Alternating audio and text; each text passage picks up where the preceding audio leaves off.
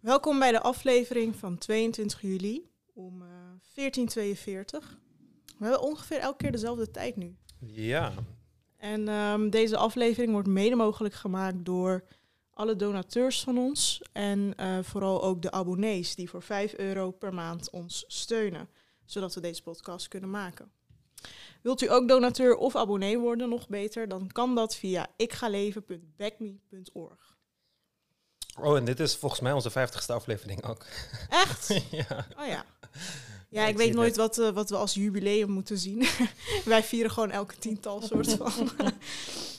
ik denk dat we bij 100 wel een soort van. eh, We hebben wel lang volgehouden, 50 afleveringen. ja, Dat is wel echt veel. uiteindelijk is elke aflevering van ons best wel lang.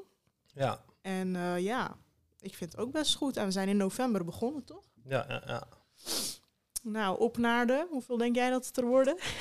ja 100 halen we sowieso, denk ik, want het gaat echt snel. Ja. Dus eh, Ik denk het ook. Op naar de 100 of de 200, wie weet. pak gewoon de 1000. Hoe gaat het met je? Ja, gaat goed. eh, drukke week gehad. En eh, ja, gisteren, eh, we zouden gisteren opnemen, maar ik had hem verslapen, want ik moest gisteren echt Tot uitslapen. hoe laat had je je nou verslaapt? Tot vijf uur of zo? We hadden dus om één uur afgesproken. Ja, maar ik had, ik denk vijf dagen of vier dagen achter elkaar had ik maar drie uurtjes geslapen. Drie, vier uurtjes, zoiets. Dus eh, ja, ik moest het echt inhalen. Ja. En Maar, had je dan ook andere afspraken of zo? Of echt alleen eh podcast? nee, alleen dit. Ik moest gewoon werken, maar dat is vrij. eh dan kan ik gewoon wel mijn eigen tijd inplannen. Mhm. En ik had eh dit, dat rondvaartje met die celebrities. En, ja, vertel daar eens over. Jij hebt Hassan Pieker ontmoet. ja, ja zo'n Picard, Pokimane, allemaal. Nou, kijk, dus je hebt een platform die Twitch heet. Dat is een livestreaming platform. Eh, en daar heb je dan een paar grootste streamers als het ware. Het zijn gewoon mensen die eh, acht uur op een dag eh, live gaan streamen en dan commentaar leveren of Dus die Hassan zit acht uur op een dag live te streamen. Ja, vaker wel meer. Hij heeft al streams gehad van 12 uur. Hé, maar wat vertelt hij dan? Hij doet vooral political commentating. Dus hij zat eerst bij... Hij is de neefje van die Cenk Uygur, zeg maar, van de Young, Young Turks. Dus hij Mhm. zat ook een tijdje bij de Young Turks. Daarna was hij mee met de campaign van Bernie Sanders. En nu doet hij gewoon political eh, comedy. Hij Bernie gewoon, Sanders, wie was dat ook alweer? ja, dat was die democraat-kandidaat, die oude man Mm. die, eh, die altijd gememd wordt. Maar hele, Dus hij is pro-democraat. Ja, hij is heel, heel erg socialist. Dus, ehm, dus eh, ja, dat. En ehm, ja, hij doet En- gewoon voornamelijk reageren op dingen van Jordan Peterson en weet ik veel wat allemaal. Dus al die... Oh, het is een beetje of- wat wij ook doen eigenlijk. ja, dus dat, dat Matt Walsh, What is a Woman, daar had ik op gereageerd. Had hij ook op gereageerd. Dus eh, hij is een beetje de... Of ja, ik ben eigenlijk een soort van de Nederlandse versie van hem, maar dan meer wetenschappelijk gericht. Mhm. En het is echt grappig, want hij is een van de grootste streamers ook. Verdient waarschijnlijk zo'n Heeft hij ook ADHD? ja, al, alle streamers hebben ADHD. Alle streamers hebben ADHD. Hij verdient zo'n 2 miljoen per jaar of zo daar, volgens mij. Zo. Zonder eh, de advertentie. eh, Wanneer gaan wij deals. 2 miljoen per jaar Ja, maar je moet Engels gaan, want de Nederlandse markt is echt veel te klein. Daar had ik het ook met hem over.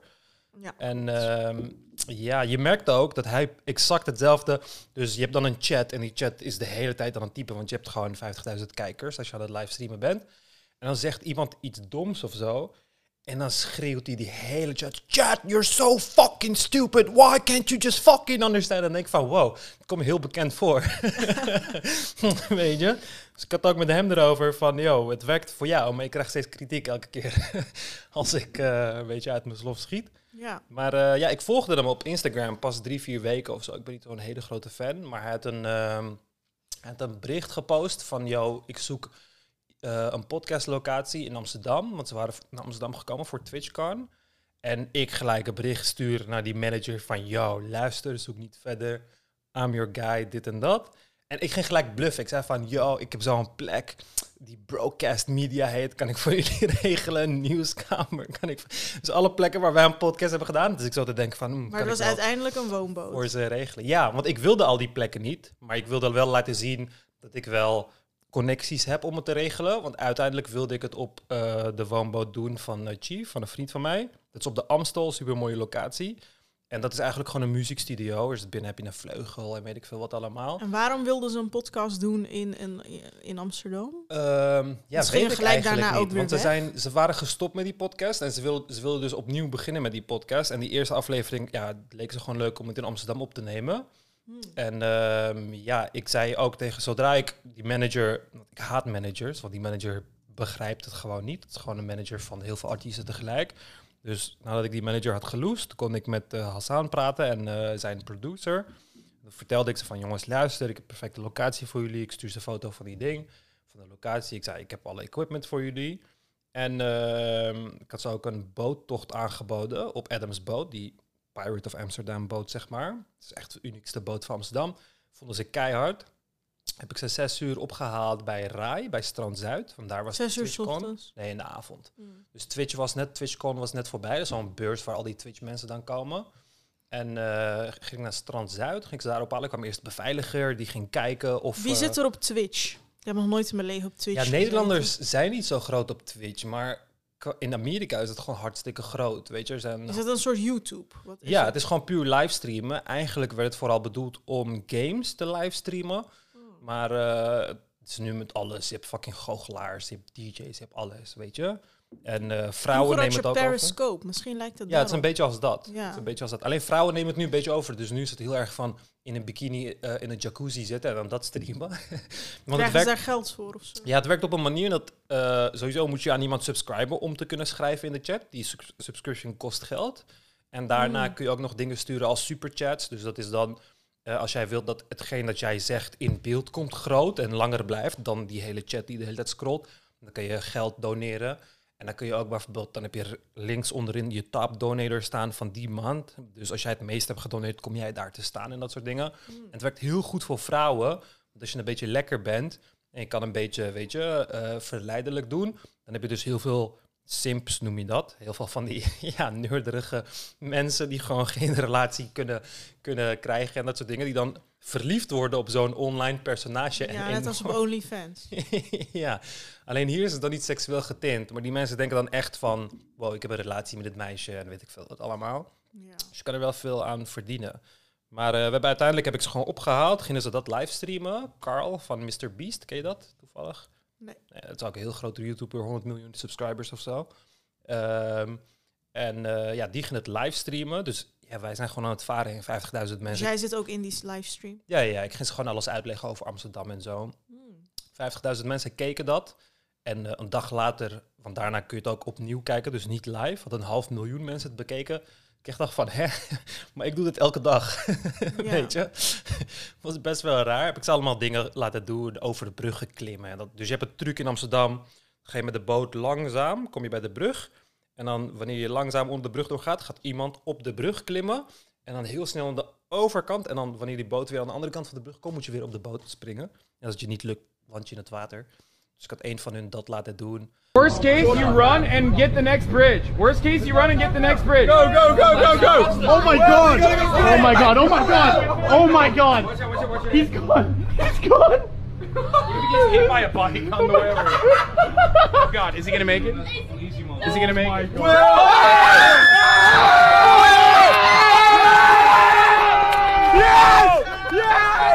We did it! Ik ging ze ook allemaal uitleggen over Amsterdam. En ze vonden Amsterdam echt keihard, want ze waren allemaal nooit in Amsterdam geweest. En Hassan is Wat natuurlijk... vonden ze er zo keihard aan? Ja, het is he- hele rare dingen die mij niet opvallen. Ze zeggen van, ja, OV is echt fucking goed geregeld, want in LA bestaat letterlijk geen OV. Ze zeggen van, je kan overal lopend naartoe. Dat is in Amerika ook heel speciaal, want heel veel plekken kun je niet lopend naartoe. We hebben zelfs fietspaden naar fucking Nijmegen, als je wilt fietsen naar Nijmegen, weet je. Eh, ze zeiden, er is overal natuur, wat ik heel raar vond. Ik dacht van, hè, Amsterdam, natuur, waar dan? Maar vergeleken met, ja, concrete eh, jungles van Amerika, is het natuurlijk wel veel natuur. Red Light vonden ze echt super interessant. Hele coffeeshop idee, ik kan ze uitleggen. Ga, gingen ze dan ook echt naar de hoeren? Of? Ja, ik heb, dus, ik heb ze met de boot gebracht. Dus je kan met de boot de Red Light in. En dan heb je ook ouderzijds Voorburgerwal. Dat is ook een gracht bij de Wallen, de tweede gracht van de Wallen. Maar daar kun je eigenlijk met de boot niet in. Maar wij gingen gewoon twee uur s'nachts. Ik dacht gewoon, fuck it, YOLO. Gingen we gewoon met de boot erin. Ben jij ooit naar de hoeren gegaan? Nee, nog nooit. Dat, is echt, dat lijkt me fucking awkward. Dan kom je zo binnen en dan... Ja, oké. Wat gaan we nu doen? Doe maar je broek uit. Ik denk dat het echt fucking zakelijk gebeurt. Ja, het is fucking awkward. En het is ook van, ja, wat de fuck moet ik... Weet je, je balt gewoon met een condoom en zo. Dus dan kun je dit zo goed eh, ja, gaan aftrekken. Want er zit gewoon rubber tussen jou En dat, Oh, eh, jij bent zo eentje die niet aan condooms doet. Ja, maar ik weet niet. Ik kan met condooms kan ik sowieso niet echt klaarkomen of zo, weet je. Dat is vrij lastig. Maar ehm, ja, we maar zij gewoon, gingen eh, dus ook? Of naar de Ja, we gingen ze gewoon rondbrengen, want we hadden ook meiden aan boord. Dus we hadden Pokimane. Pokimane is een van de grootste, ze heet eigenlijk Iman. Het is een Marokkaanse meid, streamer. Ze is een van de grootste vrouwelijke streamers in Amerika. Mm. En er waren veel meiden bij, dus om hun niet oncomfortabel te maken. Daarom gingen we ook met de boot, want dan kan niemand je lastigvallen. Mm. Kun je gewoon rustig rondkijken. Alleen Iman en eh, Hassan zeiden beide. Iman zei bijvoorbeeld van dat ze... Waarom zeg je Hassan? Ja, Hassan, dat is gewoon hoe ze het in het Amerikaans Hassan. Hassan Picard. Nee, Hassan zei van, eh, ja, ik heb eh, nog nooit in mijn leven zoveel Turken bij elkaar gezien. En, eh, Zeker dat- kan hij ook geen Turks. Die jawel, Amerikaanse jawel, Turken... Want hij is, hij is opgegroeid in Istanbul. En eh Oh. zeven, acht jaar geleden of zo kwam hij naar Amerika. Dus het is gewoon een Turkse Turk. En Iman is Marokkaans. En zij zei ook van, ik heb in een paar dagen in Amsterdam meer Marokkanen ontmoet dan mijn hele leven in Amerika. Weet je? Dus eh, dat vonden ze wel heel erg speciaal. Ook hoe eh, multicultureel het is. En dat mensen, ze waren zo verbaasd dat iedereen zo goed Engels kan. Zeg van, ja, ze waren op stream ook aan het vertellen van, yo, what the fuck. Amerika is fucking dom. Hier spreekt iedereen minimaal vier talen. Weet je, vloeiend, accentloos. En eh, ja, dat is wel zo.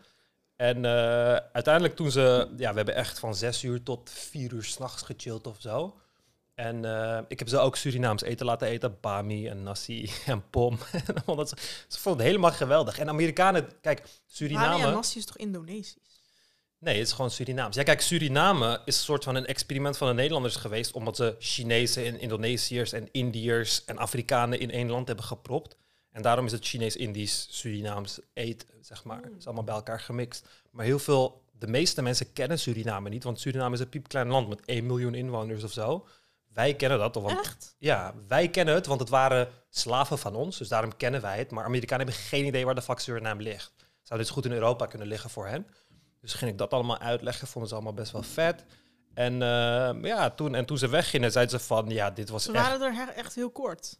Ja, zes uur tot vier uur s'nachts, dus eh Ja. ja. tien Dus dan vlieg je de hele oceaan Ja, over ze waren er voor, meerdere eh, dagen, maar eh, ze moesten natuurlijk bij Twitch moesten ze meet and greets doen en dat soort dingen. En het is absurd, hè? Het is alsof je Justin Bieber op de boot hebt, want wij zijn gewoon aan het varen en een hele menigte aan fucking kinderen achtervolgens. Ah, Hassan, Oh, ze hebben hem ah, echt herkend. De hele tijd, gewoon fucking de hele tijd. Dat we, we kwamen aan bij de Ik onderschat woonboot. deze man echt heel erg. Ja, maar al mijn vrienden deden dat, want niemand van mijn vrienden kennen deze mensen. Terwijl bij elkaar, dat ze fucking 50 miljoen followers op de boot, weet je. Ja, maar dat is ook in Amsterdam. Ik bedoel, We zeiden net nog, Twitch is niet hier bekend. Dus Ja, ja, maar die mensen zijn zoveel bekender. Want in Nederland heb je een soort van plafond van hoe bekend je kan worden. Je kan niet meer dan 5 miljoen followers krijgen in Nederland zonder dat je naar het buitenland gaat. Dan moet je echt een Duitse cruise Ja, of zo maar zeg maar het feit dat ze hier de hele tijd herkend werden, betekent wel dat ook heel veel Nederlanders. ja, ze internationaal. Dat is een Twitch. hele andere eh, vorm van bekendheid, want het is gewoon helemaal internationaal. Ja. En eh, ja, uiteindelijk vond ze het fucking leuk. Ze zeiden dat het de leukste vakanties die ze ooit hebben gehad. En eh, ze begrepen helemaal niet hoe alles wat wij deden mogelijk was. Want we hebben echt veel dingen gedaan. Ze appreciëten onze lifestyle, zeg maar, wel heel erg. En eh, ja, we zijn vrienden geworden. Ze hebben mij uitgenodigd naar LA. Van als ik ooit in LA ben, dat ik eh, hoe lang ik wil mag Ze blijven. wonen in LA. Ja, Hmm. dat ik hoe lang ik wil bij ze mag blijven. Dat gaan ze echt regretten, want ik ga echt een maand bij ze pitten. Wanneer ik in LA ben. Maar eh, dat en ja, ze wilden me heel erg veel, heel graag betalen. Maar dan moet je dat toch ook echt doen, vind ik. Ja, ja, ga ik waarschijnlijk ook doen. Alleen, ja, we zien wel hoe dat allemaal gaat. Een beetje problematisch Amerika voor mij. Maar eh, Oh ja, ja. allemaal... Oh ja, dat zei je, ja. Je hebt een strafblad. Ja, ik heb strafbladen en zo. Maar het is allemaal lang geleden. Ik heb het eigenlijk nooit geprobeerd of het mogelijk is om Amerika, Amerika Wat heeft strafblad met Amerika te maken? Als je Amerika binnenkomt, moet je dus een visum aanvragen. En bij aanvraag van het visum moet je dus aangeven of je met politie in aanraking bent gekomen. Mhm. En heel vaak, als dat een ja is, dan kom je het land gewoon niet in. Waarom? Sinds wanneer? What the fuck? Al heel lang. Amerika is heel streng met, eh, met visums. Maar ja, mijn strafbladen vallen allemaal wel mee. Dus, Maar waarom eh, zou je een visum moeten hebben? Omdat, ja, Nederland en Amerika hebben visum nodig. Altijd. Ja, Oh, dat is echt niet. absurd. Ja, ik vind ook dat dat, dat dat niet meer zo moet zijn. Ik weet niet, hebben Nederlanders een visum nodig om Nederland binnen te komen? Of Amerikanen? Volgens mij niet. Ja, ik bedoel, eh, voor mij eh, moeten ze ook dan een visum krijgen. Of ik wil anders ook geen visum, want het slaat nergens op. Want wij zijn gewoon een fucking eh, moderner land dan Amerika, weet je. Het Er was ook ooit dat moslims niet het land in mochten of zo. Ja, dat was met eh, Wat was Trump dat? eh, iets. Ja, dat was Maar- heel kort. Was het gewoon even eh, dat de moslims geen visum werd eh, gegeven. Maar ja, dat is gewoon pure discriminatie natuurlijk. Maar dat is dus nu niet meer zo. Nee, nee, je kan gewoon het land in. Het is waarschijnlijk wel lastiger. Oké, en voor wat ben jij met de politie in aanraking gekomen? Ehm, om heel eerlijk te zijn, weet ik niet eens of ik echt nog een strafblad heb of zo. Want de meeste van de dingen, eigenlijk alle dingen die ik heb gedaan, waren voor mijn achttiende. Hmm. Maar ik heb fraude en verduistering. dat klinkt echt extreem. Maar dat was toen ik 16 was of 15 was. Ging ik bij de Dirk.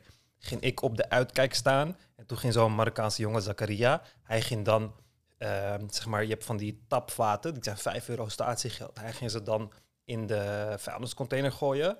En dan na het werk kwamen we weer naar de vuilniscontainer buiten. En dan gingen we die tapvaten in de statiegeldmachine gooien. En dan kreeg je gewoon 5 euro. Dus als je de vijfde jaar had je 25 euro. En eh, daarvoor waren we gepakt, blijkbaar. En dat is fraude en verduistering op je cv. Ik was 15. Heb ik 40 uur taakstraf voor gedaan. Ik heb uh, computervredebreuk.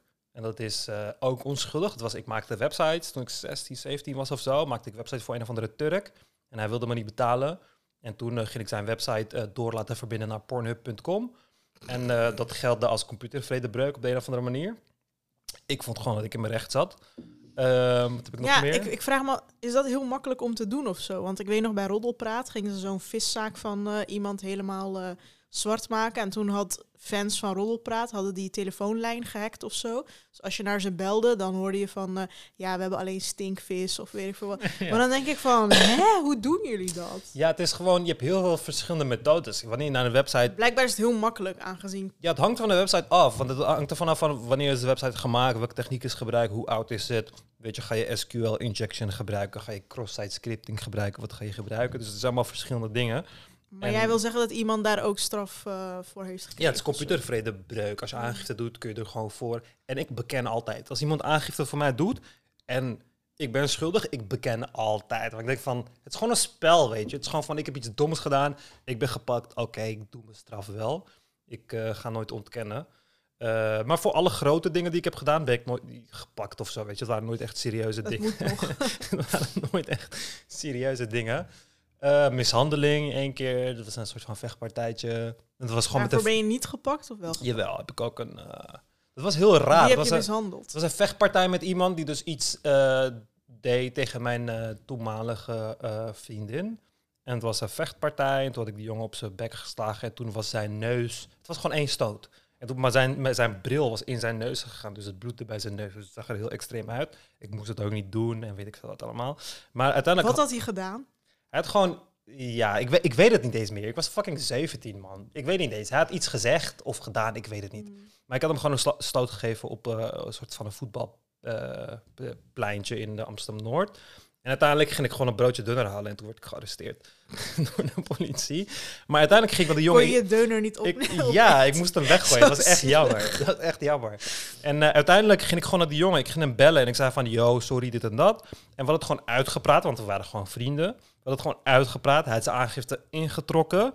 En toch werd ik fucking veroordeeld. Het was zo raar. Toch moest ik fucking 40 uur taakstraf doen. Ja, omdat het niet gaat om eh, zijn eh, Ja, ding, maar om het zo raar. hem. Ik kwam bij een of andere bureau halt of zo. En die vrouw, wat zei ze ook alweer? Ik moest 80 uur taakstraf doen. Ze zei van, ja, ik ga je 80 uur taakstraf geven. Want dat is het maximale dat je kan krijgen voor mishandeling. Ik zei, wat? Zeg, met maximale. Dus met andere woorden had ik hem ook gewoon helemaal de tering in kunnen schoppen. Want ik zou toch 80 euro krijgen, 80 uur krijgen, weet je. Zo fucking raar. Dan heb je gewoon een ruzie met een vriend, praat je het goed... en dan wil ze toch het maximale straf geven. Maar ik ging gewoon, ik ging gewoon weigeren. En uiteindelijk via de rechter kreeg ik eh 40 uur. Zie je, bitch, je, had gewoon, je was gewoon fout. Maar ik heb het idee dat juist politie echt niks doet bij die kleine dingen. Weet je hoe vaak ik van mensen hoor, mijn fiets is eh, gestolen, mijn scooter is gestolen. Ja, maar dat soort maar ze doen er gewoon niks mee. Dat soort, dat soort dingen. Kijk, je doet gewoon... Als ook, al iets heb je, ook al heb je camerabeelden. Ze, ze zeggen ja, is Ja, maar je kan iemand niet vinden via camerabeeld. Je moet gewoon geluk hebben. Kijk, bij mij, in dat geval, ik had de jongen geslagen. Hij heeft gewoon 112 gebeld of whatever. Ik ben Ja. geslagen. En dan wordt er een signalement gegeven. En dan geven ze dat door aan de agent in de buurt. En als iemand jou toevallig ziet, nemen ze je gewoon mee. Ja. Weet je, maar niemand gaat echt een... Maar eh, stel, jij was weggerend en eh, in plaats van broodje deuner je kopen... was het klaar, weet je? Een- een- twee dagen later zou niemand mij meer op straat gaan zoeken. weet je, het is gewoon puur toevallig. Ze stoppen er echt geen werk in of zo. Ja, ja. Maar eh, dat dus. Dus ik heb eh, in, mijn in mijn jeugd eh, twee keer taakstraf gedaan in een bejaardenhuis. één keer een speeltuin schoonmaken. En één keer takken uit de sloot halen en berenklauwen knippen in het Amsterdamse bos. Dus eh, ja. Wat, wat vond je van die taakstraf? Haatte je toen je leven? Of? Nee, speeltuin vond ik heel leuk. Ehm, ze vonden mij ook gewoon fucking chill, die vrouw daar. Want je hebt dan zo'n huisje, een soort buurthuisje in het speeltuin. Dan ging ik met de kinderen ging ik ze leren dammen en dat soort dingen. Bejaardenhuis vond ik ook heel leuk. Eh, daardoor kwam ik erachter dat bejaarden echt veel seks hebben. dat wist ik niet. Ze dealen letterlijk Viagra in bejaardenhuizen. En omdat de vrouwen, zeg maar, steriel zijn als het ware, ze kunnen geen kinderen krijgen, wordt er gewoon alleen maar onveilig gebald.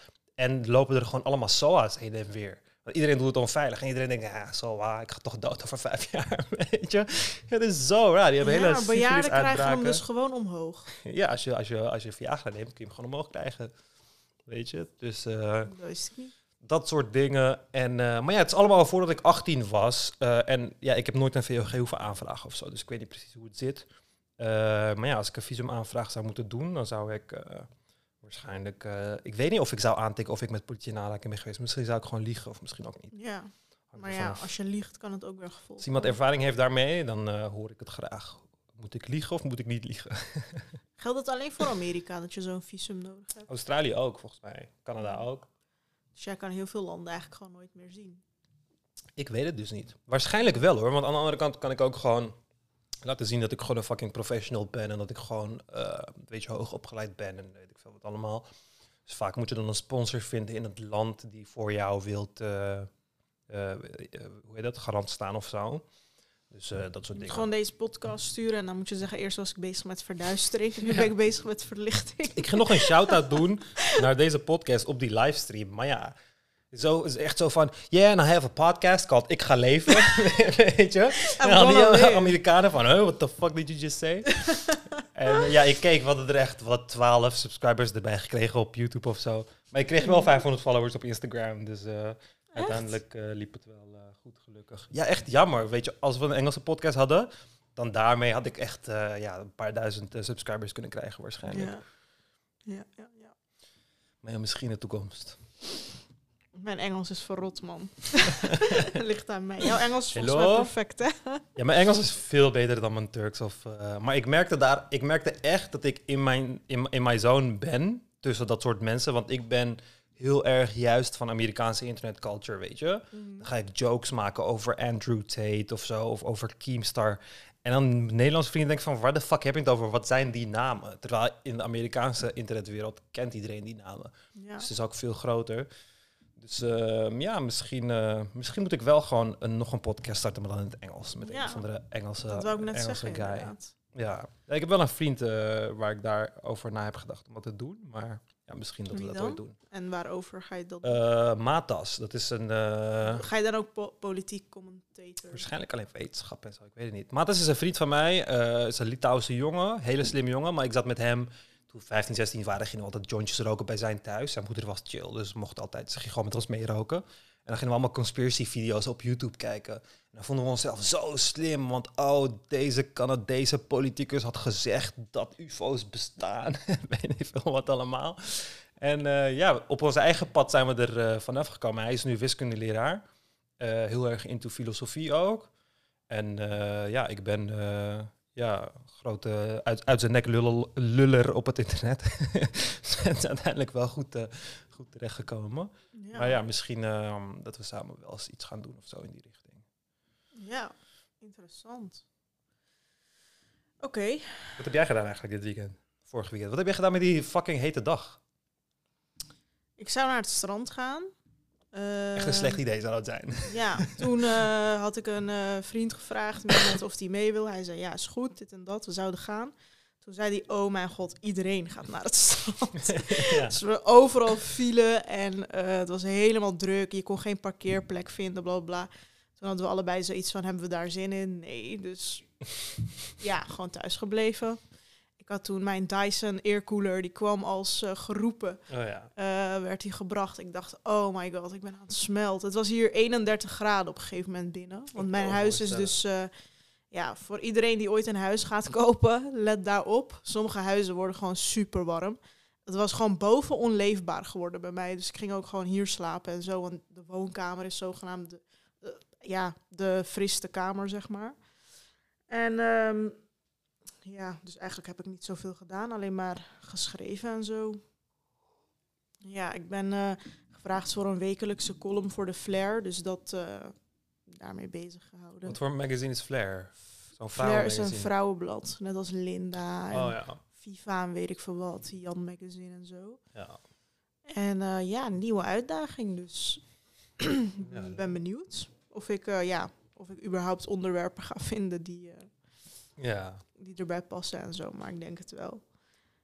Ehm, even kijken. Strafblad heb ik je gevraagd. Oh ja, we kregen één comment, soort van haatcomment. Ik had gezegd in de vorige aflevering, dieren zijn dus dommer dan ik dacht. toen, zei, toen zei iemand, wie is er nou dom? maar ja, dieren zijn toch gewoon feitelijk heel dom? Of zeg ik dan iets beledigends? Ehm, ja, nee, ja, maar wat is dom en wat is slim? Weet je, Nou ja, ik als je- bedoel, als ik jou achterlaat in de oerwoud, dan is een eekhoorn slimmer dan jou, want jij gaat waarschijnlijk gewoon dood. Eh, maar als ik een eekhoorn achter een computer zet, dan is die eekhoorn dom en dan ben jij slim. Weet je, dus het is heel lastig. Eh, en het verschilt sowieso. Bijvoorbeeld korte termijn geheugen van chimpansees is al honderd keer beter dan eh, mensen. Chimpansees kunnen fucking supernatural dingen die wij ons niet eens kunnen maar we hadden voorstellen. het over katten. Ja, maar ja, het is lastig. Kijk, tuurlijk, als je een, ja, een intelligentie... Maar ja, hoe bereken je dat? Dat is heel lastig. Sowieso, mensen zijn intelligenter dan alle dieren, dat vooropgesteld. Maar of ze dom zijn... Ja, Dieren kunnen toch geen beschaving opbouwen zoals dat wij hebben gedaan. Dus het is toch evident. ik weet het niet, want dieren hebben een beschaving opgebouwd en dat zijn wij. Weet je, ik bedoel, wij waren ook gewoon dieren. En eh, wij, hebben, wij hebben dat gewoon- als eerst gedaan. Maar het wil niet zeggen dat andere dieren dat niet kunnen doen. Kijk, we hebben gewoon geluk, want we hebben duimen. Dus we kunnen dingen vastpakken. Weet je, een stuk moeilijker voor, kat, voor een kat om iets te bouwen als je dingen niet kan vastpakken. Of voor een vogel. Maar eh, ja, bijvoorbeeld heel veel vogels uit de corvid-familie. Dus eh, raven, kraaien, dat soort dingen. Octopussen. Het zijn allemaal hele intelligente wezens. Honden, papegaaien. Alleen, ehm, ja, vergeleken met de mensen zijn ze inderdaad dom. Maar ja, dierenvrienden vinden dat waarschijnlijk eh, eh, onaardig of zo. Welk dier vind jij nou super slim? Ehm, ja, chimpansees, kraaien, eksters, En waaruit blijkt dat? octopussen. Ik kan wel een filmpje Take a look at zetten. these numbers. One, two, three. Remember where they are because they're about to disappear. Can you point to where each number used to be in numerical order? Probably, it's pretty easy. One, two, three. But what if we make it harder? Get ready to point to where each number was in order now. If you feel like you didn't have enough time to memorize the screen, that's fine. It's nothing to be ashamed of. Or is it? Here is a chimpanzee taking exactly that long to memorize the same arrangement. Nailed it. Each of these puzzles is completely new to the chimpanzee, but just a glance is all it needs to completely capture all the numbers. How can Dan? chimpanzees memory één be seconde. so much better than ours? Dat is één seconde. Ja, dus korte termijn geheugen van chimpansees is vele malen sterker dan die van ons. Dus die kunnen zo'n reeks van tien ci- eh, cijfers, die kunnen ze gewoon in één seconde onthouden. En dat komt omdat onze lange termijn geheugen veel beter is. Dus voor taal ontwikkel je lange termijn geheugen, want je moet een vocabulaire van een paar honderdduizend woorden onthouden. Dus dat, neemt allemaal ruimte op in je lange termijn geheugen. Maar als je geen taal hebt, dan kun je die ruimte gebruiken voor je korte termijn geheugen.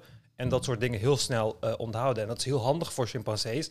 Want dan kijk je naar een bos en dan weet je exact waar elke tak staat, weet je. Dan hoef je daar niet naar terug te kijken. Omdat wij taal hebben ontwikkeld, hebben wij die korte termijn geheugen ehm, ja, daar een beetje van afgenomen en voor die lange termijn geheugen gebruikt. Dus op het gebied van korte termijn geheugen zijn wij idioten.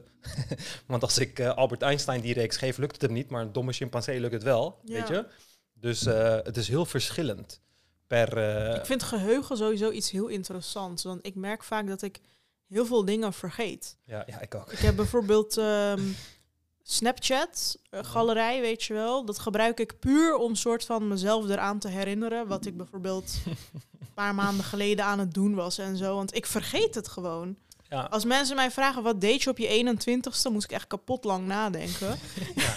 en het, ik weet wel gewoon van dat ik op school zat en weet ik veel wat, maar ik wist niet, ik weet gewoon niet meer hoe ik eruit zag of hoe ik me voelde of weet ik veel wat. Ja. En dan scroll ik terug naar die video's van toen en zo en dan denk ik, hè, oh ja, ik was bevriend met haar. Wow. ja. Dus dat was gewoon helemaal uit mijn geheugen verdwenen. en wow, toen, eh, toen droeg ik nog dat soort kleding. Of weet, maar het- ik ben het gewoon compleet vergeten. En dat is nog een paar jaar terug. Maar soms heb ik het ook met vijf maanden geleden of zo. Ja. ja, ik heb dat sowieso heel erg. Ik, heb het, ik, ik vind het sowieso heel... Weet je, als mensen over het verleden praten of zo, zeggen ze zo van... Oh ja, en toen ging ik naar Gelderland verhuizen en dat was in 2003. En in 2006 kocht ik een auto. En dan denk ik van, die jaar, hoe de fuck ken je al die ja, jaartallen? precies. Dat Weet ook je? altijd. Als je mij afvraagt wanneer ben je afgestudeerd, ik heb geen idee. ik heb geen idee. Weet je? Het is echt... eh, ja, ik moet echt nadenken om eh, op jaartallen of datums en dat soort dingen te komen. Ja. Dus eh, ja, ik heb dat ook inderdaad. Maar het is gewoon een kwestie van herhalen. Hoe vaker je het herhaalt, des te sneller het in je hoofd blijft of zo. Maar ja, dat dus. Dieren kunnen vele malen slimmer zijn. En ja. Ja. ons heel dom laten lijken heel erg veel opzichten. Ik weet bijvoorbeeld dat ik ook in Rome ben geweest met school. En in Keulen. Maar ik kan me er gewoon niks meer van herinneren. Ja, gewoon niks. ik weet niet waar ik ben geweest. Welke jaartal dat was en zo. Maar ik maak me soms wel zorgen op mijn geheugen hoor.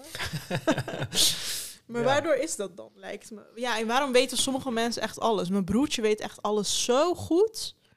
Ja ik weet Hij het zegt niet. altijd van, weet je nog, toen we kind waren, deed jij dit, dit, dit, dit. En dan denk ik van, wow, dit is echt eng dat jij dat toch allemaal nog weet. En ik weet het nog heel vaag. Ja, ik, ik weet niet waar... Kijk, ik, ik heb bij, bij cogn- de cognitietest scoor, scoor ik altijd heel hoog eh, voor episodic eh, memory.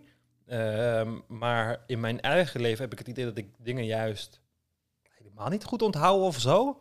Dus ik, ik begrijp ook niet, weet je. Ik, ik onthoud heel veel shit wel, maar alleen als ik eraan denk. En de dingen waar ik... Heb jij ooit een IQ-test gedaan? Ja, Wat is je score dan? ja ik vind het niet leuk om... eh, Oh, is laag. laag. laag. Waarom Nee, vind je dat niet leuk? Ja, omdat het helemaal niks zegt. Oh. IQ zegt helemaal niks. IQ-test 142 heb ik gescoord. Waarom zegt Ik kan wel op het IQ-test scherm niks? zetten zo. Omdat, ehm, nou, ik... Oké, laten we zeggen, ik score 142. Dat is buitengewoon hoogbegaafd. Ja, dat is volgens mij 0,2% van de wereld haalt dat.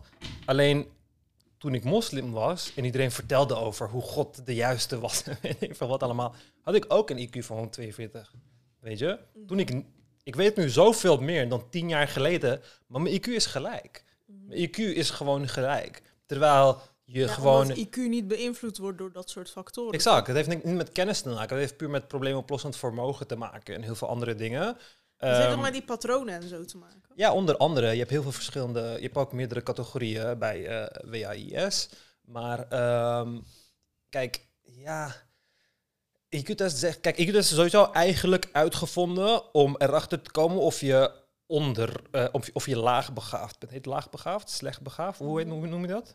Laag begaan. Ja, laagbegaafd. Of je laagbegaafd bent. Daar is het eigenlijk voor uitgevonden. En nu wordt er meer gebruik van om de andere kant op te, te kijken, zeg maar. Van hoe goed score je. Maar het is, het is bullshit, want het verschilt per eh, tijdstip dat je het doet. Het verschilt per taal. Dus je moet je voorstellen, als je symbolen, als je verschillen in symbolen moet herkennen. Als jij Aziatisch bent, als je Chinees bent bijvoorbeeld, jouw alfabet is niet eh, gebaseerd op le- letters, maar op iconen, zeg maar. Het is iconografie. Dus jij bent al je hele leven door te lezen, leer jij al hele kleine veranderingen in, in teken, tekentjes, leer jij al herkennen. Dus als Aziat ga je gewoon veel beter scoren op dat vlak dan een Europeaan die met letters leest, bijvoorbeeld. Eh, en dat soort, bijvoorbeeld, dat soort culturele invloeden. Maar bijvoorbeeld tijd- criminelen hebben vaak laag IQ.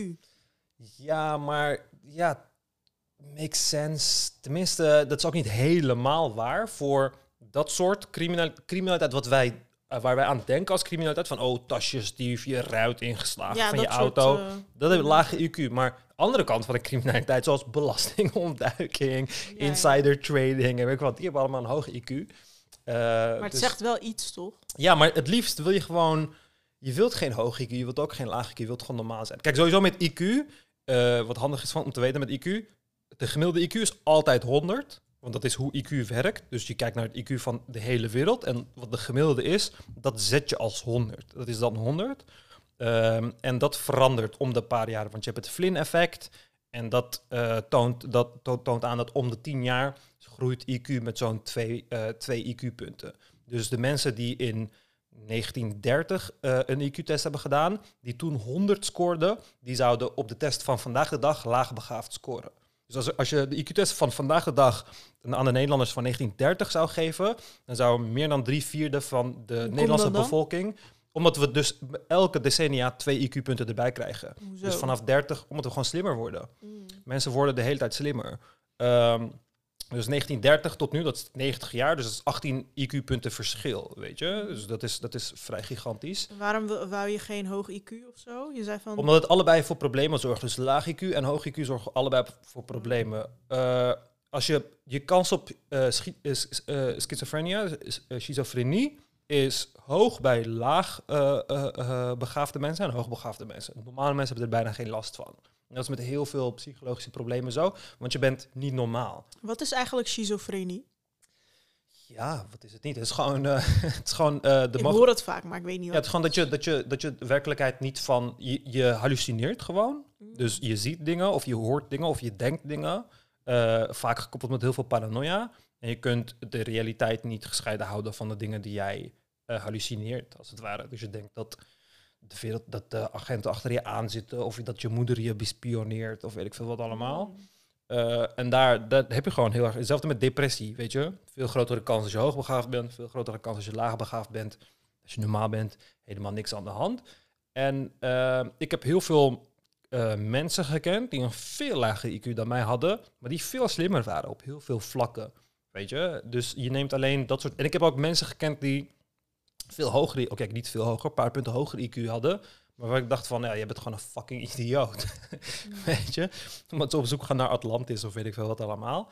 Dus eh, ik, ben niet, ehm, ik ben niet voor IQ of zo. Ik vind het heel... eh, ik vind het een vrij eigenaardige... Wanneer zegt het wel iets? Voor wat kan je het wel gebruiken? Kijk, het zegt iets, maar het zegt alleen iets over... Eigenlijk hoor je het te gebruiken voor laagbegaafdheid. Mm, van- Alleen dat. Ja, dus bijvoorbeeld in het leger gebruik je dat. Want als je onder de 80 sch- eh, scoort, dan mag je het leger bijvoorbeeld niet Maar ook in. als je hoogbegaafd bent, bijvoorbeeld op de basisschool en zo, moet je ook een IQ-test doen en dan ga je naar hoogbegaafde school. Mm. Alleen, het zegt niks. Ik ga heel veel ho- hoogbegaafde kinderen boos maken, maar het zegt niks als je hoogbegaafd bent als kind. Want ehm IQ-test werkt op leeftijd, als het ware. En als jij...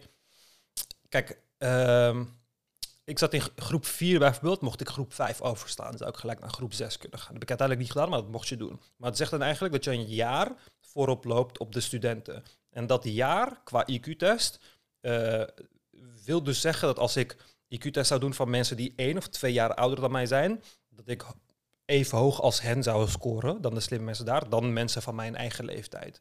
En die voorsprong die je dan hebt, dat kan heel makkelijk teruglopen naarmate je ouder wordt. Want dan ben je 18, 19 en dan heb je twee jaar van je leven geen reet gedaan of zo. Dan ehm, komt dat weer terug. Dan, dan loopt die IQ weer. Dus kinderen die 8 zijn en ze scoren 140 of zo. Het is impressive, 100%. Maar het is alleen impressive als ze wanneer ze 18 zijn nog steeds 140 kunnen scoren. Want als kind is het heel erg tijdsgebonden. Want het verschil in cognitie tussen een vierjarige en een vijfjarige is gigantisch. Terwijl dat voor een 19-jarige en een 20-jarige niet geldt, zeg maar. Dus dat trekt zich weer, eh, weer terug, zeg maar. Oké.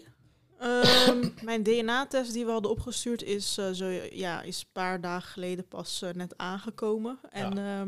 ja, nu is het zeg maar in het lab en zo. En er stond van 6 tot 12 weken duurt het of zo voordat je resultaat krijgt. Toen dacht ik, jezus. Ik hoop niet dat het 12 weken gaat duren, maar... Ja, dat is twee, drie, vier maanden. Dus, Hoe- eh, Hoe lang had het bij jou geduurd? ik weet echt niet, maar ik heb dat van mij waarschijnlijk tien jaar geleden gedaan of zo. Echt heel lang Oh. geleden. Ja. Dus jij zit ook op een nieuwere versie van de Ja. chip. Jij zit op versie 5, ik zit op versie 2 of zo. Oké, Dus, ik eh, ben echt wel heel benieuwd. ja. Dus eh, ja, als dat eh, komt, dan gaan we dat zeker bespreken Het hier. zou echt grappig zijn als je deels Joods bent. Waarom? Je ouders zouden helemaal van gaan. Volgens mij ben ik dat ook wel. Dat was dus Je ook bij ouders die... zouden helemaal... Is sowieso een complot dan, weet je? Ik gok wel dat dat erin zit. Ja, ik ben benieuwd. Misschien heb je gewoon Ashkenazi, Joods een beetje.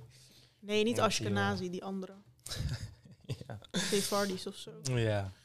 Ja, Ehm, er was een comment. Eh, hoe kan je HGH boosten afgezien van injecties? En is ipamorelin effectief of scam? Nou, dat zijn allemaal tokenspookswoorden voor mij. HGH is Human Growth Hormone, menselijk groeihormoon. Deze meneer wil menselijk groeihormoon verhogen. Ik weet niet waarom. Ehm, je gaat er niet langer van worden, je wordt er ook niet groter van. Het zorgt voor een kleine reductie in vet. Eh, maar verder, ja, die organen groeien mee en zo is niet chill. De reden waarom bodybuilders vaak doodgaan is omdat hun hart veel te groot wordt door het gebruik van HGH. Oh my en god. ehm, ipamorelin, ehm, dat is een experimentele stof die niet is goedgekeurd, maar die door honderdduizenden mensen online wordt gebruikt. Die IGF-1 verhoogt. IGF-1 is Insulin Like Growth Factor 1. Dat is een stof die ook eh, de grootte van een lichaam, dus kleine honden hebben minder IGF-1 dan grote honden, daarom zijn ze klein. Alleen al die dingen doen niks als je groeiplaten eenmaal zijn dichtgegroeid. Zou alleen dingen doen als dat je sneller zult helen en dat soort dingen. Daarom heeft het eigenlijk alleen profijt wanneer je bejaard bent. Bejaarde mensen helen langzaam, dat soort dingen. Dat komt door een gebrek aan HGA en IGF-1. Alleen ipamorelin is meer voor IGF-1. Als je HGA wilt verhogen, kun je liever voor ipamorelin. En dan heb je nog geen. Heet ook morelin. Ik weet niet. Pentamorelin of zo, geen idee. Maar dat is een andere, die vind je wel. Die kun je gebruiken, maar het is gewoon experimentele shit. Dus eh, Dus je raadt het niet aan. nee, ik, zou die, ik heb ook duizend experimentele dingen geprobeerd. Maar weet je, ik, eh, ik doe wel veel jij dit ook geprobeerd? veel controles. HGA heb ik nooit geprobeerd. Maar als je HGA op een veiligere manier wil doen, dan moet je gewoon farmaceutische HGA nemen. Gewoon pure HGA. Alleen het is fucking duur. Kost je wel een paar honderd euro in de maand. Daarom wil hij het ook niet gebruiken. En het zijn allemaal injecties, dus wel lijp dat je jezelf injecteert met ehm, dingen die je van het internet hebt geha- gehaald waar geen tests op zijn gedaan en zo. Ik zou dat afraden. Eh, maar ja, het van waarom wil je je HGA verhogen? Wat is de reden? En eh, dan kunnen we verder kijken, want misschien is dat helemaal niet nodig. Eh, maar ik zou het ten strengste afraden om daar gebruik van te maken. Want HGA, als je ergens kanker hebt in je lichaam, eh, HGA gaat die kanker best wel snel ehm, eh, versnellen Oh en doen god. vergroeien. Dus ik zou het niet aanraden, Nee. zeg maar. Maar eh, ja, you do you, weet je. je. Het is je eigen lichaam, je mag doen wat je. Trouwens, die DNA-test. Er stond ook eh, in die eh, kit wat ik heb genomen, stond er ook held. Maar in hoeverre kunnen zij, bijvoorbeeld stel ik heb nu kanker, kunnen ze dat ook zien? Nee, toch? Alleen genetische dingen. Dus je hebt Ja. een paar kankers die genetisch zijn. eh, waaronder borstkanker. Dus dat soort dingen ga je kunnen zien. Maar eh, alleen de genetische dingen. Oké. Ja. Ehm, er was nog een vraag, want ehm, heel veel dingen kun je niet lezen door een betaalmuur. En wij hadden ooit in een podcast gezegd removejs.com. Alleen die werkt bijvoorbeeld niet voor Telegraaf en Financieel Dagblad.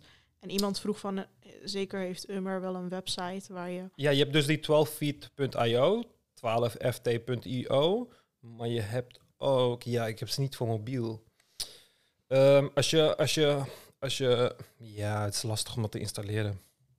Het is lastig omdat er is dus een plugin, het heet Bypass Paywalls. Als je op Google Bypass Paywalls schrijft, is het de eerste GitHub link. En die kan je dan vandaar downloaden en installeren op Google Chrome. Alleen, eh, dat werkt dan voornamelijk alleen op de desktop. En die ondersteunt AD, Algemeen Dagblad en gewoon Brabants Dagblad, Volkskrant, alles. Dus eh, die kun je gaan gebruiken. Dan moet je hem installeren op, eh, op Chrome, op je desktop. En dan, ja, Dus dan niet op je telefoon. bypast het alles. Nee, op je telefoon kan je gewoon die 12 feet IO gebruiken, maar die werkt niet op AD, bijvoorbeeld. Heb jij ook dingen waarmee je bijvoorbeeld Netflix en zo hackt of dat eh, niet? Nee, ja, je kan gewoon een account kopen. Kijk, hacken doet niemand. Je gaat niet een ding hacken, maar je kan gewoon op dark market een Netflix-account kost 1 dollar of zo. Dan hacken mensen. Dus wat je doet is je hackt een website en dan heb je de database. En in de database staan heel veel e-mailadressen en wachtwoorden. Dus je hebt bijvoorbeeld een account gemaakt op Volkskrant met jouw e-mailadres en wachtwoord. Ik hack Volkskrant. Ik download de database. Dus ik heb een lijst van e-mailadressen en wachtwoorden.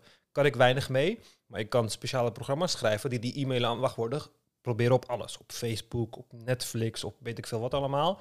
En stel je voor, ik heb 100.000 e-mails, ik probeer het op Netflix. Hij probeert alle 100.000 uit.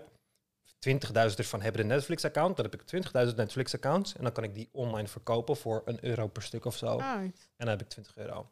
Dus dat deden mensen een hele lange tijd geleden met Uber-accounts. Dan kon je op internet gewoon voor 1 euro een Uber-account kopen. En dan gratis Uber op iemand anders zijn naam. En die persoon kreeg het gewoon vergoed. Je had het een tijdje geleden met Felix scooters hier. Kon je ook gewoon accounts van mensen kopen. Hmm. Ehm, dus dat is meestal hoe het gaat. Ik las Jawel. trouwens in de quote dat die eigenaar van die Felix scooters echt fucking rijk was geworden. Ja, ik kan me voorstellen. Het is best wel een grote investering. Terwijl het Ehm, echt een heel simpel idee is. Ja, is het ook. Maar heel vaak gaan die, gaan die bedrijven ook eh, plat na een tijdje hoor. Want het is voornamelijk heel veel investeren en de winst komt later. Hij heeft zichzelf natuurlijk wel lekker uitgekeerd. Omdat hij slim is. Maar meestal... eh, Hoezo zou het plat gaan dan? Omdat ehm, met al die bedrijven, dus dat zie je in Amerika ook, heb je heel veel eh, van die step-verhuurbedrijven, dat soort dingen die gewoon overal op straat staan. En ehm, bij, bij dat soort bedrijven is het heel vaak dat twee, drie, vier het tegelijk doen.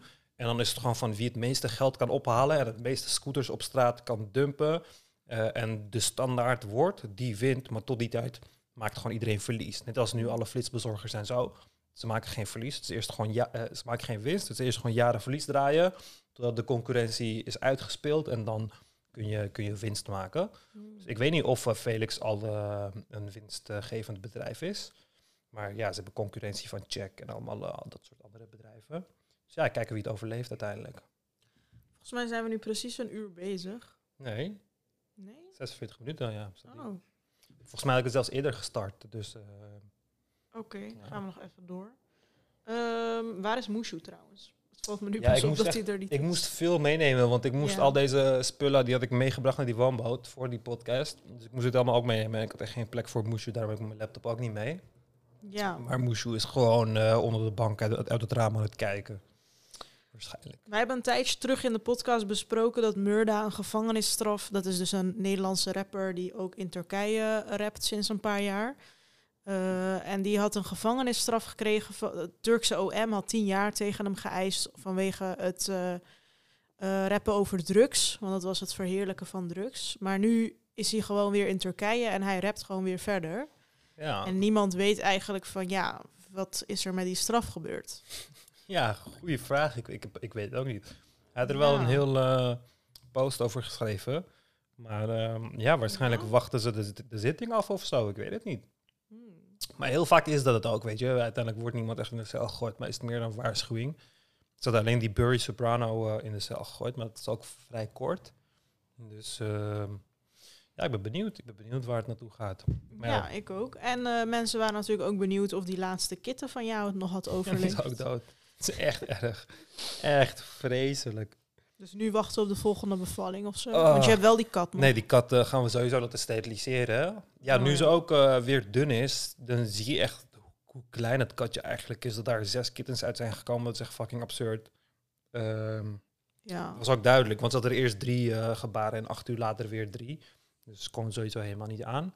Maar ja, die gaan we laten steriliseren. En ehm, ik zou iedereen aanraden om dat te doen. Ik vind sowieso dat het verboden moet zijn om katten buiten te laten. Katten horen gewoon binnen, die horen je niet buiten te laten. Katten horen toch ook gewoon in de natuur? Nee, katten horen niet in de natuur, want het zijn geen natuurlijke dieren. We hebben ze gewoon gecreëerd. Katten maken echt de hele wereld kapot. Weet je hoeveel katten er zijn? Het is echt niet normaal.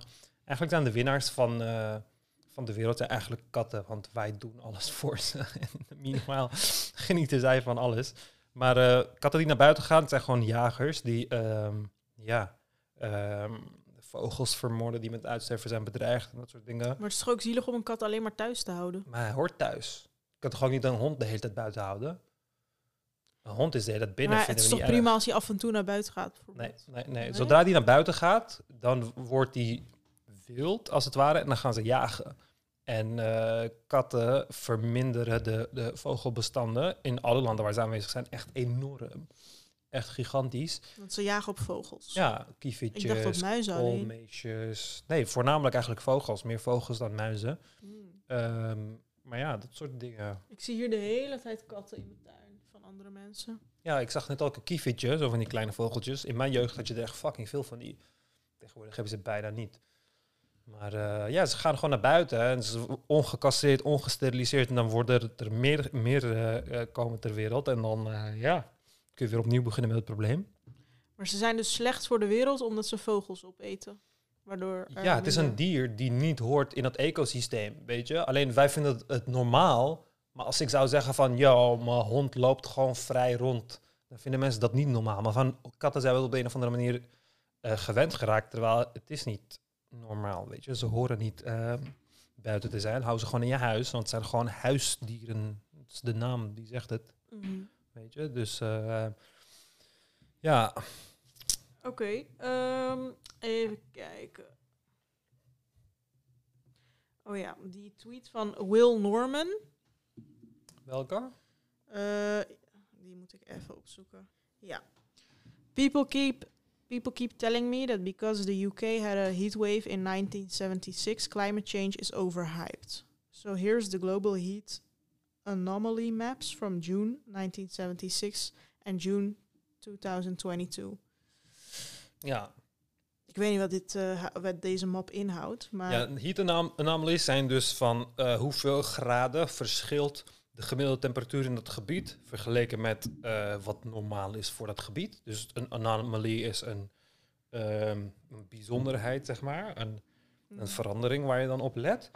En eh, ja, dat is eigenlijk het argument wat alle eh, mensen die voor het karretje van oliebedrijven gespannen worden gebruiken. Van, oh ja, maar vroeger, of op deze, deze datum was het ook warm en weet ik veel wat. Maar Ja, want het was dus eh, laatst eh, 38 graden. ehm, en eh, mensen, iedereen deelde ineens dingen over climate change. En die Ja. andere groep deelde ineens allemaal over dat het onzin was. Want ja, gek hè, dat het in de zomer warm is. En eh, ja, van mij eh, hoeft het niet eh, kouder te worden en weet ik veel wat.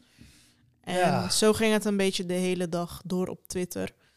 ja, ik zweer het, als, als gewoon, al zou er lava uit de grachten stromen, ik zweer het, je gaat gewoon mensen hebben zeggen van ja, maar het is gewoon een beetje warm, is normaal, is normaal in de zomer. Is normaal, is gewoon lava, is gewoon warm, je kan gewoon aanraken. Mensen zijn zo dom, man. Echt. Er was ook zo, iemand met een eh, bord van This is the coldest summer you, eh you, Ja, kijk, dat is ook niet waar. En wat ik jammer vind, is dan dat mensen de hittegolf gebruiken om te praten over klimaatverandering. Kijk, deze dingen gaan vaker plaatsvinden. Maar je moet niet pas je bek open trekken wanneer er zo'n extreem event plaatsvindt. Want je kijk gewoon naar de gemiddelde. We weten dat de gemiddelde temperaturen zijn gestegen. Weet je, we weten dat we nu wat twee graden warmer gemiddeld in, in, eh, in Nederland. In de tijd dat eh, mijn vader geboren was of zo, weet je. Dus dat is een gigantisch, dat klinkt weinig, maar het is een gigantisch verschil. Weet je, dus mensen zien dat op de een of andere manier niet in. Zien niet in dat fucking CO2-concentratie in de lucht fucking 50% hoger is dan ooit, weet je. Ze zien dat niet in op de een of andere manier. En dan heb je gewoon domme blondjes op het internet, zoals, sorry voor alle blondjes, maar ik had het echt puur over Reisa, die gewoon echt de domste argumenten peddelen van, oh ja, kijk, dit was twee dagen mooi weer en mensen waren dan panieken, maar nu is het weer aan het regenen. Ja, Weet je, het is zo dom. Als, als zouden we een maand lang die hittegolf hebben, zou ze in de winter zeggen van, oh ja, kijk, nu sneeuwt het. Weet je, dus er is helemaal niks aan de hand. Het zijn echt hele, hele rare argumenten. We weten het. De cijfers zijn duidelijk. Like, wat is er niet duidelijk? En wat win je hiermee? Like, wat, wat probeer je precies? Wat de fuck win je ermee? Jij had ook in de vorige podcast gezegd van ja, het is heel duidelijk, want de laatste jaren valt er geen sneeuw en zo. Toen heeft een vriend van mij gezegd van, huh, helemaal wel. De laatste jaren valt er meer sneeuw dan eh, toen, toen ik klein was. zo. Toen zei ik, huh, helemaal niet. En toen hadden we zo'n over Ja, maar weer ik heb, in die, ik heb in die podcast, terwijl ik dat zeg, heb ik letterlijk de grafiek geplaatst die laat zien de sneeuwval in Nederland, de, de, de sneeuwdekking of whatever, door de jaren heen veel minder is geworden. Die grafiek zit erin, maar iedereen Ja. kan het ook opzoeken. Want check, eh, kijk niet naar wat voel ik of wat denk ik of weet ik veel wat allemaal. Dat is een fucking bullshit. Je kunt gewoon een historische graph van whatever. Of het nou zeespiegel of neerslag of sneeuw of zon of orkanen of tornado's. Kun je historical graphs vinden die van het begin van de industriële revolutie tot nu gaan. Die kun je gewoon vinden. We hebben die fucking data bijgehouden. Weet je? Maar in plaats daarvan is van nee. Maar die ene keer toen ik jong was, was het ook heel warm. Maar Biden heeft een noodtoestand uitgeroepen voor het klimaat. Wat, wat Ja. houdt dat eigenlijk in? Ja, helemaal niks. Het is gewoon van, ja, ja ik, vind het, ik vind het jammer dat er een hittegolf benodigd is om te panieken over het klimaat. Like, zien mensen niet wat de fuck er allemaal aan de... Waarom is het pas erg wanneer het hier Maar gebeurt? mensen zien het toch ook letterlijk niet? Ik bedoel, ik ben niet in de wetenschap bekend en ik zie het ook Ja, niet. ja dat, is, dat is echt jammer. Want het is ook dit is ook waar we naartoe gaan. Hè? De mens is echt zo dat je kunt mensen 100 jaar waarschuwen voor, weet ik veel, een tsunami of zo. Je mensen 100 jaar waarschuwen. Gaat niemand naar, oh nee, we hebben tijd, we hebben tijd, we hebben tijd. En wanneer die tsunami pal voor je neus staat, dan pas is het tijd om te panieken. Want dan pas snappen mensen het. Want die mensen, die dus, oh, zoveel slimmer zijn wij dan al die domme dieren. Maar uiteindelijk zijn we niks anders dan gewoon net zulke domme dieren. Gewoon je vertelt iets, je laat data zien, je laat feiten zien, je laat historische fucking data zien die miljoenen jaren teruggaat. Mensen zeggen van nee, nee, nee, ik moet het met mijn eigen Ja, ogen heel veel zien. mensen moeten het zelf ervaren Ja, om het te geloven. Ja, dat is, dat is zo raar. Het is echt van, het is echt van, we zitten in een hoge snelheid, of we zitten in een auto met 200 km per uur. Dus je zegt van, jongens, als we de vangrails raken, gaan we... Nee, ik moet het eerst zelf. Ik moet eerst zelf meemaken.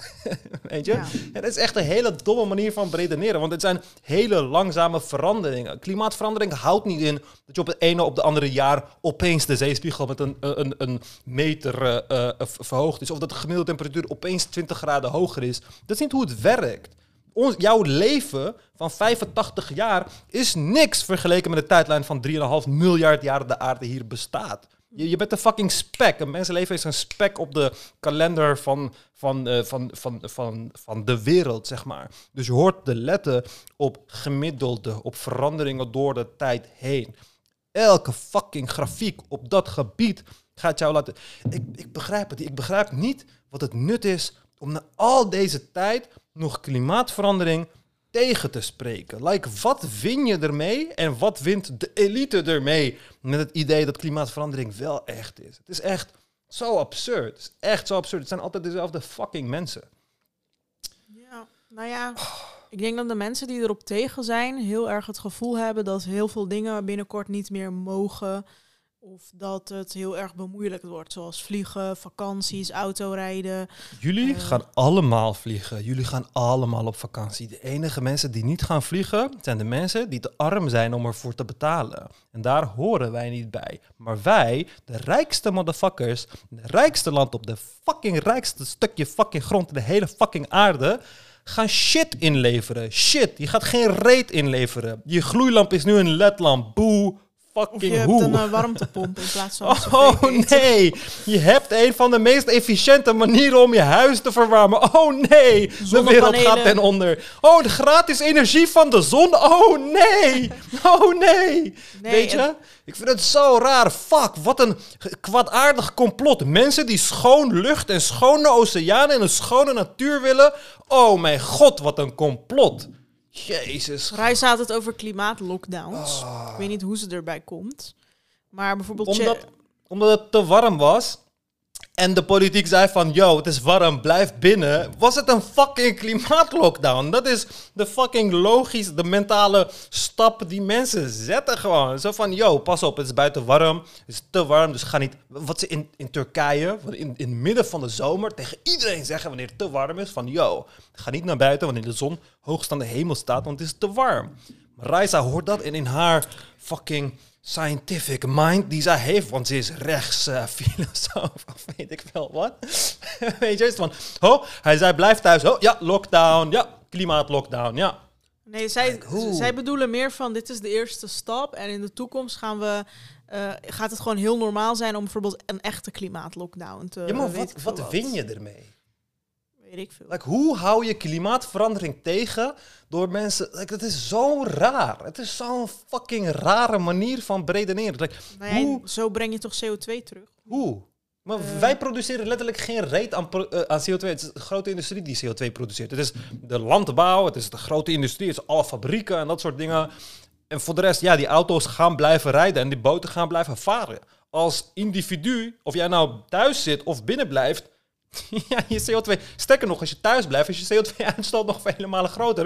Want je gebruikt elektriciteit in het huis. Wat je niet doet wanneer je buiten bent. Weet je, als je in het park chillt, gebruik je geen elektriciteit. Je doet niks voor klimaatverandering. Thuis wel. Dus ik begrijp niet, waar komt het vandaan? Deze mensen zijn... Ik, oh, Misschien moet ik wel de politiek in en deze mensen gewoon van hun oor trekken en in een fucking isoleercel gooien totdat ze kunnen toegeven wat voor fucking idioot. Je kan niet zo dom zijn. Zo dom kan je gewoon niet zijn. Kan. Hoe zie je over? Hoe heb je afgestudeerd aan de universiteit van een van de rijkste landen in de wereld en dan zie je dat niet? Hoe? Hoe? Like, het is gewoon om van te huilen. Het is echt om van te huilen. Oh, klimaatlockdown. Ja, we zagen het al aankomen. Ja, ze noemden het een conspiracy, maar kijk, het is waar. Want ze zeiden, blijf binnen, want het is warm. Oh. We hadden ook een tijdje geleden die, overstromingen in Limburg, weet je wel? Waar het water echt... eh, Ja, ja, Limburg, weet je, het, het, het, de provincie waar elk jaar overstromingen zijn. Elk jaar. Ik weet nog de overstroming van 2013, dat was een goeie.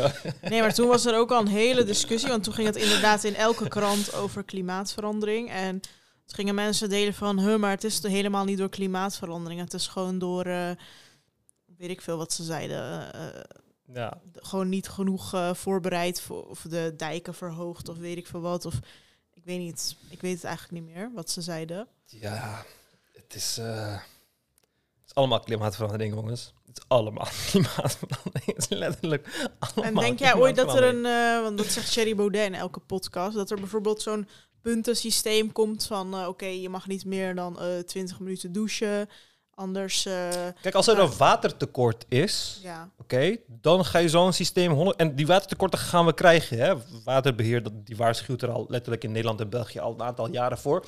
Die watertekorten gaan we krijgen. En zoals, oh, ik kan, bijvoorbeeld in Turkije had je dit. In Turkije heb je dus grote waterbarrage, heet dat. Gewoon een soort van kunstmatige meer waar regenwater in wordt opgeslagen.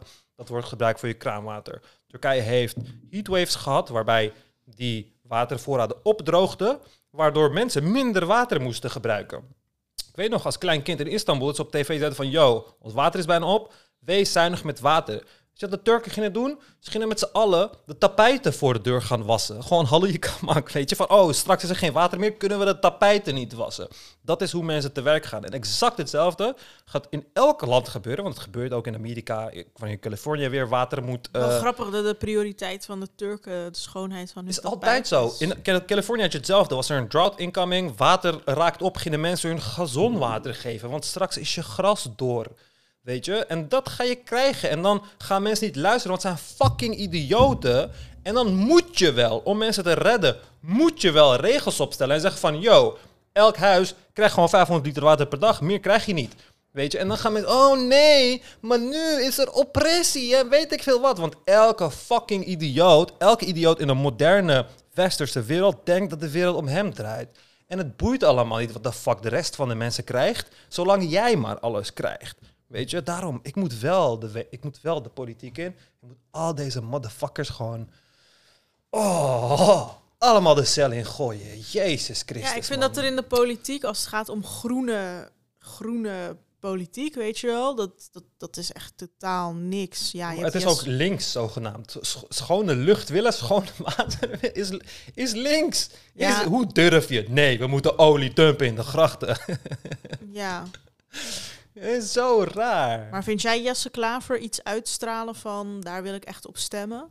Niemand van die mensen straalt iets in, want iedereen legt er van, oh ja, we moeten samenwerken. En we moeten met z'n... Nee, hou gewoon je fucking bek dicht en ga naar de grote industrieën die letterlijk 90% van de vervuiling veroorzaken en trek ze aan hun oor. Like, what the fuck ben je mee bezig? Met, oh ja, en we moeten opletten, geen plastic tasjes meer en geen rietjes meer en dit en dat. Nee, fuck you. Fuck you. Je hebt helemaal niks te zeggen zolang je die grote industrie nog steeds hun fucking gang laat gaan. Wat moet er Weet je? bijvoorbeeld gebeuren met de grote industrie en wat voor Dat er regels worden opgezet van, yo, je gebruikt zoveel plastic, je gaat zoveel betalen. Oh, het kost 20 cent per kilo plastic, daarom gebruik je het voor alles. Sure, vanaf nu is er fucking belasting op plastic en kost het 500 euro per kilo. Oké, gaat maar, weet je, dat is de enige reden. Het werkt alleen maar met geld en daarom gaan bepaalde dingen duurder worden of goedkoper worden of whatever. Want het werkt op die manier. Niemand, al die fucking miljonairs en miljardairs en de board of directors en de investors, ze geven geen reet om het feit dat die plastic weet ik veel, duizend jaar in de, in de, in de, in de, in de natuur blijft. Het is gewoon goedkoper dan biologisch afbreekbaar materiaal. Dus we gebruiken fucking dat. Gebruik gewoon zoveel mogelijk plastic in al je producten. Ja. En produceer zoveel mogelijk. En gebruik brandstof daarin. En de gas daarin. En weet ik veel wat allemaal. Het is gewoon puur, het gaat om prijs. En al die prijzen gaan we gewoon lekker fucking omhoog gooien voor de industrie. Niet voor de normale consument, voor de fucking industrie.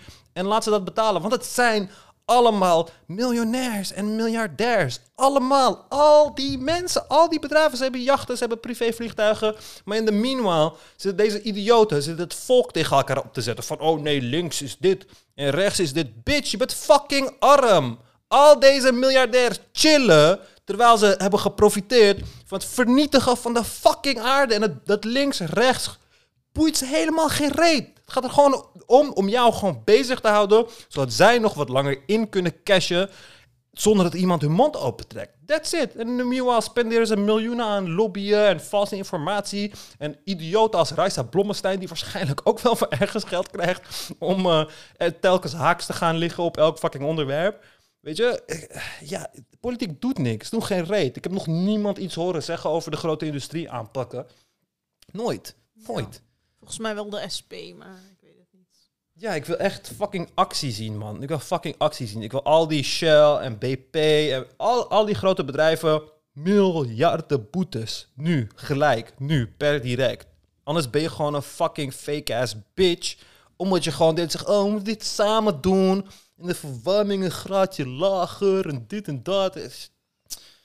Oh, Maakt afsluiten me helemaal met een, boos. eh, Sorry dat ik zo boos zie over, maar me een boos. Oh. afsluiten met een eh, tweet van Thierry Bo- Baudet, of een meme. So everyone's panicking about 37 degrees for two days in the UK. Yet they took three experimental jabs to enjoy 40 degrees in Greece for two weeks. Hey, eh Ik vind, Thierry. ik vind het echt knap dat hij het allemaal elkaar Ja, koppelt. alles is aan elkaar. Alles heeft met elkaar te maken. Hé, hey, maar Thierry, waar zijn al die doden dan? Het is inmiddels een jaar geleden dat ik... eh, het is voor mij inmiddels bijna twee jaar geleden dat ik gevaccineerd ben. Waar zijn al die doden? Waar zijn al die doden? De hele wereld zou doodgaan, Thierry. Dit was World Economic Forum en Klaus Schwab. En die had een meesterplan die hij in een boek had geschreven of zo. Weet je? Waar zijn al die doden? Jij fucking uit de boom gevallen nep Misschien moet het nog komen. Misschien gaat het eh, pas in de winter. eh, als we weer... Ja, dat activeert het. Ze moeten even op het knopje drukken, op de remote control van de, de, de, de mass genocide knop. eh, Klaus Schwab heeft die altijd in zijn koffer natuurlijk. Weet je, daar moet hij op drukken en dan gaat iedereen dood. Oh, fucking, fucking oelewapper. Echt, het is zo lastig om niet... Oh, het is echt lastig. Misschien ga je pas dood na acht boosters. Ja. Ja, echt, echt lijp, eh Thierry, dat er miljoenen mensen zijn doodgegaan aan COVID, maar een handjevol aan de vaccins. Echt lijp. Echt grappig. Echt grappig dat iedereen het al die tijd al gezegd, had, had gezegd, maar hey, toegeven dat je een fucking idioot was en dat al die mensen het gelijk hadden. Hij gaat er gewoon Nee. nog steeds mee door. Hij gaat nooit toegeven. Nooit, nooit in zijn hele fucking leven. Want het is een bitch. En mensen zijn bitches per definitie. Daarom mogen alle mensen ook gewoon dood. Van, oké, nee, dat is te extreem. Daarom mo- moeten mensen gewoon niet fucking regeren. Het is gewoon, iedereen, iedereen maakt dezelfde fucking fouten, man. Iedereen. Maakt niet uit wat je IQ is, waar je vandaan komt, hoeveel geld je hebt. Iedereen maakt dezelfde fucking fouten. We zijn gewoon allemaal dom. We verdienen dit niet. Niks hiervan verdienen wij. En moet echt goed gestraft worden om wakker te worden. Even serieus. We hebben echt gewoon... Oh, waar is God en zijn vloedgolf wanneer je hem nodig hebt, man? Jezus fucking Christus, man. Zo dom je echt niet zijn. Nou, mooie afsluiter. Oh, sorry hoor. Sorry. Sorry. Hoe lang nemen we op? Oké, een uur. We kunnen het al afronden. Bedankt voor het luisteren. Wil je nog meer rants van Ummer? Doneer dan op ikgaleven.backme.org. Ja. Vergeet niet te liken, abonneren, commenten. Oh ja, ja, het is heel erg belangrijk als je ons wil helpen met groter worden of eh, meer views op de video's, dat je een comment achterlaat of een duimpje omhoog doet, want dat is heel goed voor het algoritme. Ja, en schrijf hieronder een comment wat voor idioot ik ben. Je mag ook haatcomments schrijven, Er is altijd wij, één persoon die mij haat. Altijd. we vinden het persoon. helemaal prima. Je mag ons helemaal uitschelden. Als je maar een comment achterlaat. Ja, Je mag ook duimpje naar beneden doen. nee, omhoog. Oké, nou, eh, tot de volgende keer. Tot de volgende keer.